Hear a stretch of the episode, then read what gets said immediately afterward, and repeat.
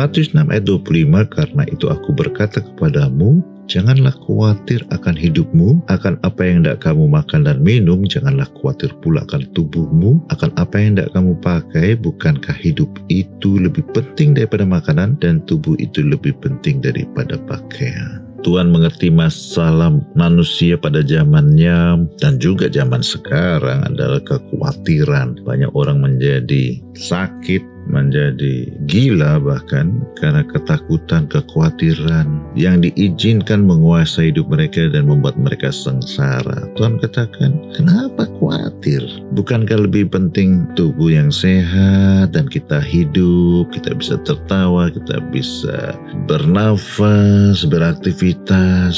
Itu sudah suatu harta yang sangat bernilai.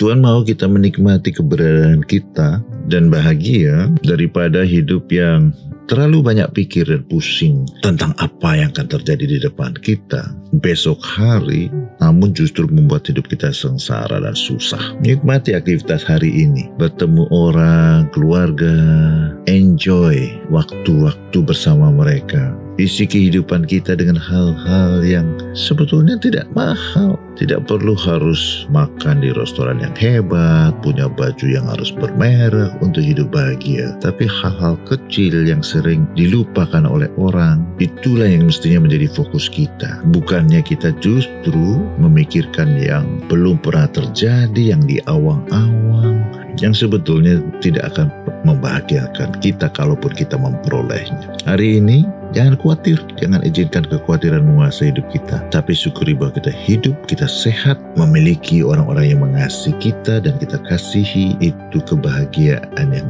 paling penting. Amin.